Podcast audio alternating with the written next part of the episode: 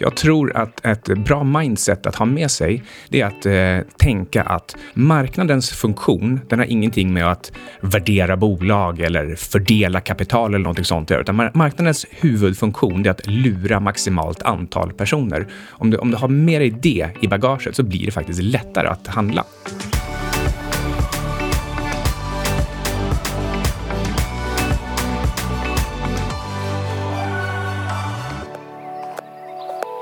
Hej, du lyssnar på Outsiders som ska handla om rekyler under nedgång idag. Hej Anna. Hej Micke, har du tryckt på inspelningsknappen? Ja, det har jag. Det var det sjukaste. Syding och Svan alltså, och det här är lite av ett favoritämne. Syding och Svan? Ja, nej men rekyler under nedgång. För att det är både så självklart men också så lurigt och lite bortglömt. Precis, och eh, det här är ju någonting som jag har skrivit om på min gamla blogg som inte finns kvar längre, tyvärr. Det var ganska många inlägg som jag har tänkt att shit, det hade varit bra att kunna länka till det där nu som jag skrev 2017.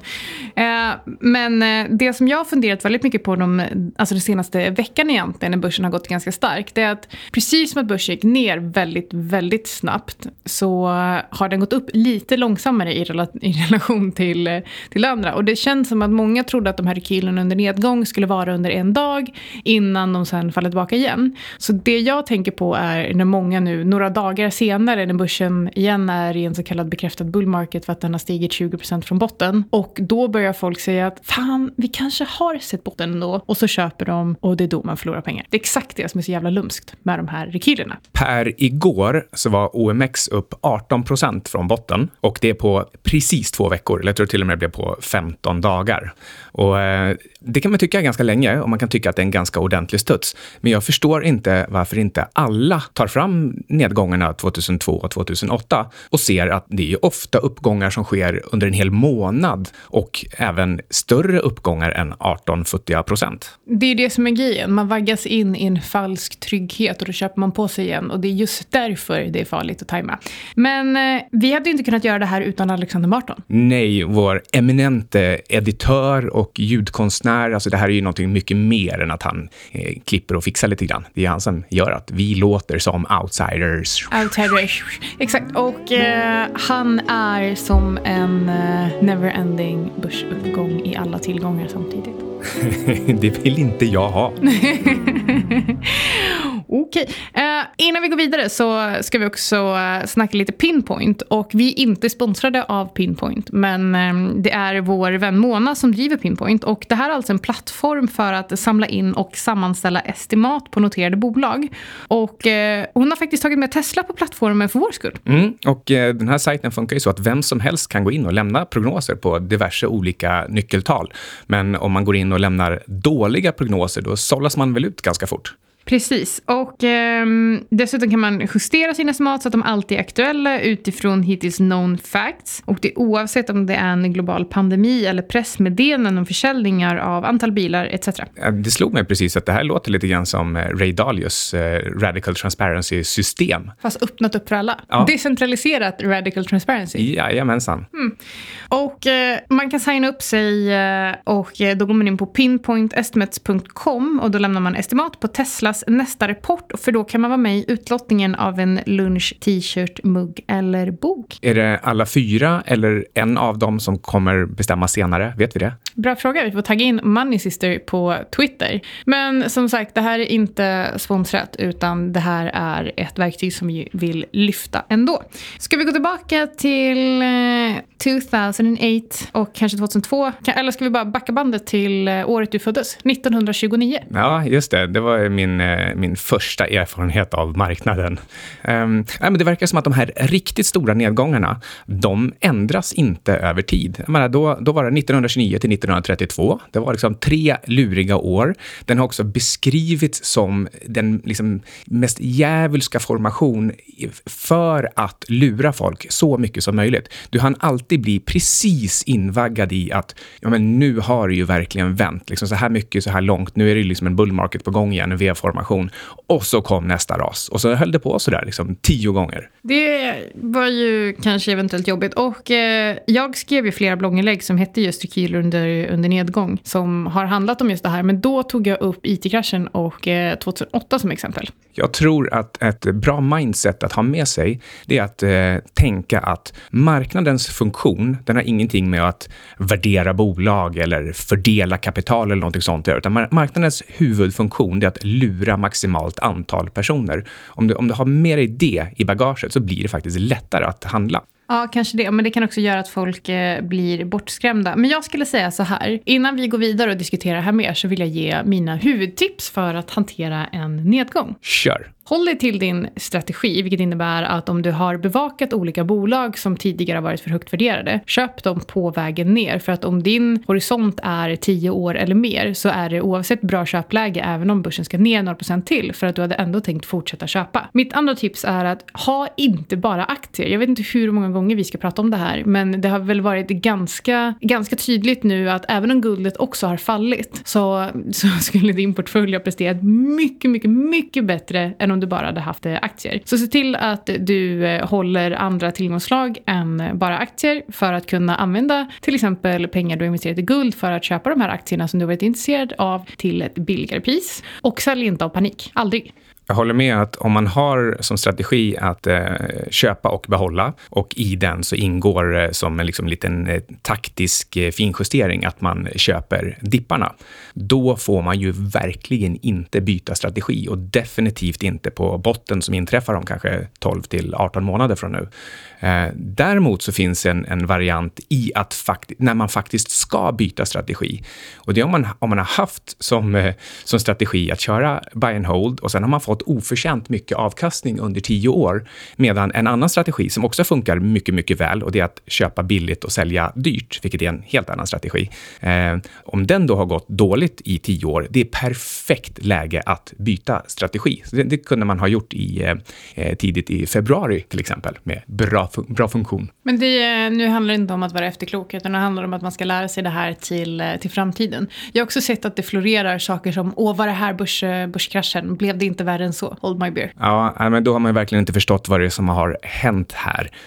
Um, men varför blir det då såna här studsar hela tiden? Varför är inte marknaden snabbare med att förstå vad läget är och bara helt enkelt justera till korrekt pris? Jo, det är en kombination av massor med olika saker. En är psykologi. Ehm, man, eh, man rycks med i nedgången eh, och då blir det tillfälligt översålt och då är det alltid någon som ska komma in och, och eh, köpa dippen och så, och så studsar det på grund av liksom rent psykologiska eller tekniska orsaker. Eh, en annan är nyhetsflödet. Man blir mätt på nyheter. Eh, plötsligt så är tusen döda i, i Spanien en dag eh, vardagsmat och det gäller både tidningar och det gäller investerare som då tycker att nah, men, äh, det, det där vet vi. Och, eh, det är som i den här fucking Åmål när en av tjejerna ställer sig på ett, på ett, på ett A-lock. Äh, jag, jag känner inget, vad det nu är man känner när man står på ett A-lock. Eh, det vill säga, det är inte verkligt de här, de här sakerna, utan det är nyhetsflöde. Jag älskar att du drar kulturella referenser som kidsen känner till. Eh, men sen finns det en annan också som, som är lite mer kopplad till den verkliga ekonomin. Och det är att olika branscher får problem olika snabbt. Vi ska gå igenom det lite mer i detalj senare. Men, men eh, eh enkelt uttryckt så, eh, först får hotellpersonal sparken och eh, sen slutar de handla på H&M och sen slutar H&M köpa butiksdiskar. Och det blir liksom olika branscher som får problem vid olika tillfällen. Och, eh, och de här sakerna syns olika tydligt eh, med, med eh, olika eftersläpning och det gör att man får positiva och negativa vågor i olika branscher. Och, och därför kommer det plötsligt som ja, men, överraskande för vissa då, och nej, blir det kreditförluster också för kreditbolag och banker. Men vi kanske bara ska göra en snabb timeline och det här skulle ju faktiskt kunna vara något som våra lyssnare kan göra som övning också. Gör en timeline för kanske 12 månader för när, när vi går in i en recession. Och det ser vi precis som Micke sa, först börjar vi med arbetslöshet och vilka branscher är det människor förlorar jobben i först och vad leder det till? För det blir ju som en dominoeffekt. Så försök kartlägga den här dominoeffekten för det skulle också kunna göra att eh, du inte går in för tidigt eller för sent i de branscher eller sektorer som drabbas först eller sist? Mm, de eh, mest uppenbara då, som eh, jag själv även ser eftersom jag har en kompis som driver en restaurang, det är att det blir total katastrof där på grund av dels social distancing, man får ju inte gå till restaurangen, och eh, dels att man håller lite grann i, i pengarna när man blir, blir rädd om, om jobbet. Men då är det eh, hotell, restaurang, flyg, alla de här sakerna som vi, vi har sett väldigt, väldigt tydligt där businessen är ner 80 till 98 procent. Men vissa saker som kanske var lite mer förvånande, som också kommer väldigt tidigt, det är då till exempel Hennes och Maurits. Men i Kina, där såg vi ju, kommer du ihåg när vi pratade om eh, i eh, mitten av februari, att bilförsäljningen var ner 92 procent första två veckorna i februari? Ja. Och jämfört med, med januari alltså? Ja, det där kan man tycka är lite förvånande. Om du ska köpa bil. Jag hade ju nog ändå trott att... Fast det hade att göra med att folk faktiskt inte fick gå utanför dörren. Ja, ja precis. Men, men det, det var ju fysiska begränsningar ja, ja, som gjorde att de, de inte kunde köpa jo, bil. Jo, de svetsade igen dörrarna. Exakt. Ehm, men, men, eh, men ja, eh, ändå. Jag blev, eh, det var, ju, liksom, det var ju det som var triggern till att man förstod att det här verkligen var på allvar. Att det blir sådana effekter direkt och att det blir det på en, på en sån sak som, eh, som bilförsäljning. Och, och nu hör vi också hur det är, eh, eh man, man börjar försöka vidta åtgärder inom husmarknaden. Alltså det, det är ju så att, alltså dels social distancing, du ska inte vistas i grupper inom, eh, inom liksom samma rum och gå runt och titta på, på en, en lägenhet eller ett hus. Eh, men också förstås bankerna blir försiktiga med lånelöften. Du blir försiktig med ekonomin. Så eh, de har ju eh, vidtagit, vad var det någonstans? Liksom att de ska frysa hela själva husmarknaden. Du får inte sälja hus nu. Men det har jag helt missat. Vad, vad... Ah, det, det lär ju inte vara Sverige. Kan det ha varit Kanada eller Frankrike eller liksom... Ja, ja, Stor, nej, Stor, Storbritannien tror jag. Jag tror det var Storbritannien. Ja. ja. det är ju intressant om något. Ja, då, då, och då har det här spritt sig till, ända liksom till husbyggarna som ju då antagligen tar det försiktigt med att dra igång projekt. Och, och då sprider det sig till, till själva byggsektorn. Ska vi, ehm, just det här rycker under nedgång, ska vi bara svara på en fråga som vi säkert får. Är det för sent att köpa guld nu? Får jag svara på det? Ja, du får svara.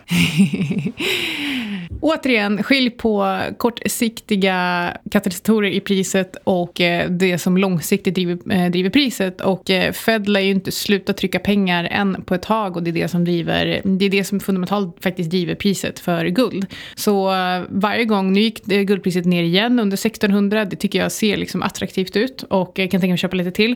Jag kan absolut tänka mig att guldpriset kan falla lite till som det gjorde under 2008, men med tanke på vart vi ska sen så tänker jag säga som du och jag pratade om eh, Eric Townsend innan. Att eh, han ville inte köpa guld på 1300 för han trodde att det skulle falla ner till 1100 eller 900 och sen upp till 5000 och då ville han, jag vet inte varför han ville tajma det på det sättet men det gjorde att han stod utanför när vi drog iväg. Och eh, för mig i alla fall som äger guld av fundamentala skäl och som en hedge mot centralbanker, precis som centralbanker själva började la om eh, nettoförsäljning till nettoköp av guld 2010 och det var faktiskt eh, när man på riktigt faktiskt drog igång ordentlig QE-program. Eh, så det säger ganska tydligt att de här köpen eh, började globalt eh, för att hedga sin, eh, sin egen lättande easing penningpolitik.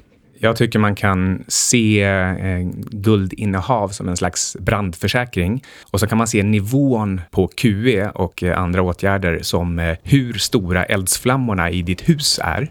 Och nu brinner det ju alltså liksom för fullt. De eldar på och häller på bensin och, och liksom, det, det liksom, och då, helt fantastiskt, så har ändå brandförsäkringen gått ner i pris trots att ditt hus redan brinner.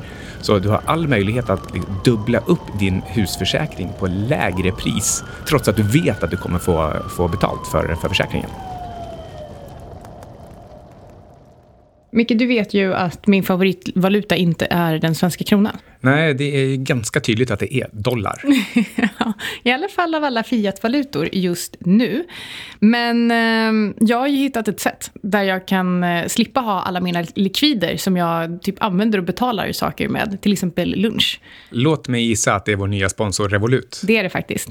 Och eh, jag höll på att säga att jag hade blivit helt torsk på Revolut, men det låter negativt. Jag har blivit helt såld på det. Det är alltså som ett, ditt prepaid betalkort, så det är inte ett kreditkort. Du kan växla till 29 olika valutor direkt i appen. När jag förde över pengar så växlade jag över allt till dollar direkt. Så att varje gång jag betalar någonting så betalar jag med dollar. Det är som ett Swish och eh, ett eh, bankkort och allting i ett, i en app. Ja, vi hade ju ett vad om vad börsen skulle ta vägen och eh, det vann jag med ungefär 13 procentenheter på en vecka. Ungefär. Och det gjorde att du skulle bjuda mig på lunch. Och hur gjorde du det då? Jag betalade med mitt metallkort från Revolut. Och eh, det här är superkul för att eh, Revolut är alltså Europas snabbast växande fintechbolag och eh, det är alltså precis som vi sa innan, det är en app kopplat med ett kort där du kan betala med, skicka pengar globalt, helt utan avgifter kan vi också säga. Växla valutor i, du kan också donera om du hittar en kås som du tycker är viktig och eh, mycket mer. Ja, jag är riktigt imponerad av den här. En, sak som känns nästan förbjudet bra, det är att man handlar valutorna mitt i spreaden utan avgifter. Det är fantastiskt. Det kan du inte göra någon annanstans. Och, eh... och man kan handla kryptovalutor, vanliga valutor, guld. Ja, men precis. Och det känns lite som ett bolag som eh, vänder upp och ner på, den bankin, på hela bankindustrin. Lite som eh, vårt favoritbolag Spotify, Spotify gjorde. Spotify, ja. ja. Och eh, man kan skapa virtuella kort så att man har en eh, specifik mängd pengar på när man handlar online, så att det är hela risken man tar. Första gången jag kom i eh, kontakt med Revolut, på tal om Spotify, var faktiskt i, eh, av en vän som berättade om det i, på en middag 2018 tror jag. Och det han tyckte var så himla bra med det här var att eh, kortet byts ut hela tiden så att du kan inte bli, eh, du kan inte bli skimmad. Och det hade ju varit bra för dig. Ja, alltså jag blev av med kortet och koden och då var det så att eh, jag hade säkerhetsinställningen påsatt att eh, man inte kunde ta ut pengar om inte mobilen var i närheten. Och de hade ju inte snott den också. Nej, den låg här. och eh, jag menar, så här, till exempel om man köper grejer från utländska sidor, då slipper man ju den här växlingsavgiften som banken eller ens vanliga kort annars tar. Alltså det, det adderas upp med tiden. Ja, men exakt. Det blir, eh, du kan ha eh, virtuella kort för engångsbruk, alla kortdetaljer förstörs så fort du använt det och så skapas det helt nya. Och eh, det innebär ju då att man faktiskt raderar risken för att det här kortet ska bli stulet eh, eller använt någonstans där man inte önskar. Mm. Och eh, det är helt gratis i standardutförandet. Precis, och, eh, det, men det finns två varianter. Både du och jag kör ju metallvarianten. Ja, alltså det kändes ganga självklart när man tittade på möjligheterna med just eh, metallvarianten med 1% jag kan, cashback. Ja, och... men exakt. För 1% cashback, du får eh, lounge access och eh, reseförsäkring och så vidare. Lite som eh, ett nytt eh, Amex, skulle man kunna säga. Ja, men eh, bättre priser. Det är 139 kronor i månaden. Ja, precis. Och det sparar man ju egentligen in redan första månaden om man använder vår länk. Och då är det alltså outsiderspodcast.live revolut ut. Och man signar upp superenkelt med telefonnummer via länken och då får man alltså 100 kronor gratis eh, om man signar upp sig och eh, gratis kort och fri frakt. Och det gäller både om man väljer standardkortet som är helt gratis i vanliga fall så får du ändå 100 kronor och om du väljer eh, metallkortet. Men jag vill också vara en annan sak som jag tycker är superrolig. Jag kan skicka guld till dig. Mm, just det, gör det. det är, gör det. Nej, gör det. Jag, men, visa, menar, visa att det går. Du skulle ju kunna, för jag får, nu ska vi inte prata om vad man förvarar sitt guld. Men jag skulle kunna säga att du har ju tillgång till en del fysisk guld som jag har. Så du kanske bara skulle digitalt kunna skicka över det. Mm, precis, så har du värdet av det, men jag har själva metallen här. Exakt, precis. Det var inte en helt dålig idé. Eh, och eh, en annan sak som vi inte har tagit upp, det är hur lätt det är att dela notor. När man väl har betalat på plats. Nu fick ju jag betala den lunchen i och för sig. Ja, men vi har ätit lunch flera gånger och delat åt, åt båda hållen, både i dollar och i kronor. Jajamän. Eh, då trycker man bara på en knapp, dela, så skickas det som en, en, liten, en skuldnot som du får välja att trycka acceptera på. Och eh, om man är lagd åt det hållet så kanske det är så att man äter lunch ensam och vill skicka halva notan till sin partner ändå. Kanske markerar det. och, och hoppas att de inte, inte märker något. ja, precis. Nej, men jag, tar, jag kan absolut ta den här notan. Men då är det i alla fall, om du vill ha 100 kronor gratis och gratis kort och fri frakt, oavsett om du väljer standardkortet eller metallkortet, så signar upp dig med ditt telefonnummer på länken outsiderspodcast.live revolut. Ja, en sista grej också, att man kan ju faktiskt handla aktier i appen. Alltså det kan man faktiskt. Allting på Nasdaq och Nyse, alltså hundratals aktier. Och eh, då kan du köpa delar av aktier. Ja, eh, det här gällde nog bara metallkortet Exakt, tror jag. Exakt, det gäller bara metallkortet. Då så. Tack, Tack Revolut. Revolut. Okej, okay, i nedgångar, man kan ju också ställa sig frågan, eh, är det för sent att sälja i den här nedgången? Eller, eller åtminstone, eh, är det för tidigt att köpa på allvar i den här nedgången? Om man nu är en sån som inte vill, liksom vill average in. Eh, om man inte vill average in? Utan man vill pricka botten. Det är det dummaste jag har hört. Jag tror, eh, eh okay, okay, ja det är dumt, det är liksom riktigt dumt. Det är klart att ingen kan pricka botten. Vad jag menar är att jag tror att det är långt kvar till botten. Eh, och visst, så skulle man kunna börja snitta in sig nu, men jag tror att det är på alldeles för onödigt höga värderingar. Eh, så när jag tittar på ett sånt här skeende, eh, då tycker jag man ska verkligen hålla blicken på bollen och för mig så är bollen värdering, inte själva eh, kursrörelserna. Exakt, och eh, precis som vi har varit inne på tidigare i eh, Outsiders, så kom ihåg att justera estimaten när du tittar på värderingen. För um, nu kommer nu estimaten mycket, mycket lägre, vilket innebär att uh, till exempel price earnings eller price sales multiplar förmodligen kommer se högre ut även om um, om du lägger de riktiga estimaten och inte tar de gamla estimaten. Så det är viktigt att komma ihåg det, för att det är väldigt, väldigt lätt att hamna fel och se och tycka att ah, men nu är average eh, price earning 10, vilket är superbilligt. Men då har man räknat på kanske gamla estimat som gällde för den mest episka bullmarknaden ever, innan eh, en miljon människor i världen blev smittade av eh, covid-19. Ja, och eh, för att inte bli allt för lurad heller av tillfälliga effekter, så som du säger, när vissa, vissa bolag som Hennes och Maurits, då kan ju sales gå ner oerhört mycket. Och då kan, eh, då kan price sales-talet se liksom, dyrt ut, fast man egentligen vet att den här försäljningen kommer ju tillbaka liksom, om några år, eller kanske ännu snabbare. Eh, men, eh, och, och, i vissa andra branscher, då kanske det är framförallt vinsten som blir drabbad och, och då kan man ju faktiskt hålla blicken på just price sales istället, som är mer stabil och mer lättanalyserad över, eh, över den här typen av cykler.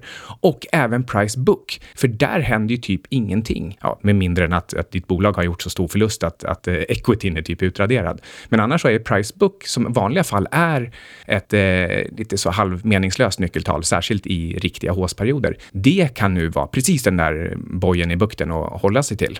Men eh, jag tänker att vi för att runda av lite eh, så tycker jag att vi ska säga att rekyler kan vara övertygande och eh, stora och det kommer komma många fler. Ja, alltså titta på till exempel både sommaren och hösten 2001. Alltså, jag tycker att det är jätteviktigt att liksom få en, en visuell förankring i hur stora de här uppgångarna är, trots att det är jättelångt kvar till, till botten. Och ja, men helt enkelt alltså, detaljstudera tidigare nedgångar. Det är ju jätteenkelt. Det tar inte ens en kvart att bara printa. Dra fram en graf. Ja, printa ut den och så följ kursen med, med fingret och se hur mycket den liksom går upp under enstaka månader. Och håll huvudet kallt, skulle jag vilja säga. Håll dig till din strategi och eh, om du är osäker så har du fel strategi. Ja, eh, en, en sak som jag också jobbar med, det är att eh, bygga scenarier kring, eh, kring de här studsarna och fundera över, okej, okay, nu, nu, står vi här, eh, första april. Eh, vad, vad tror jag kommer hända de kommande fyra veckorna kring till exempel eh, veckosluten? Jo, om det är en extremt negativ marknad, då tror jag att det kommer komma åtgärder och uttalanden från politiker som kanske, kanske inte övertygar. Eh, vi vet också att Q1, alltså kvartalsrapportsperioden, den drar igång ungefär den 6-7 april. Då kommer de första rapporterna dyka upp och det kommer ju vara verkstadsbolag som inte har hunnit gå särskilt dåligt, vilket gör att jag tror att de kommer överraska positivt. Eh, kommer det dra upp börsen ytterligare? Ja, det tror jag. Till nästa, som nästa rekyl kanske? Ja, alltså jag tror liksom, just nu så har vi nog en, en, en, en liten mini-nedgång eh, mm. fram till rapportperioden. Och sen kommer rapportperioden. Så alltså nu mellan första och sjätte april så går det nog ner lite grann. Och sen från sjätte april och så typ en, två veckor framåt så tror jag att det, det går upp med eh, hyggliga rapporter. Och sen kommer nedgången. Så någonstans från mitten av april, det är mitt scenario. Det är då den riktiga nedgången börjar igen. Och med det så har du lyssnat på Outsiders.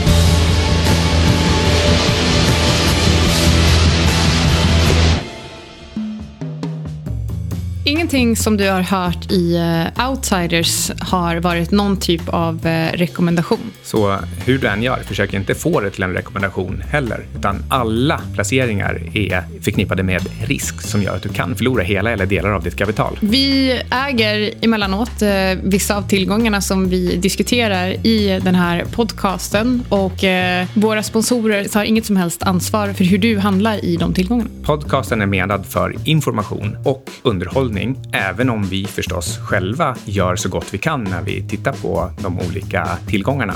Och vill man veta mer så kan man gå in på sygcap.com eller på sydingsvan.com för att signa upp sig på vårt nyhetsbrev som vi skickar ut varje söndag. Hej då.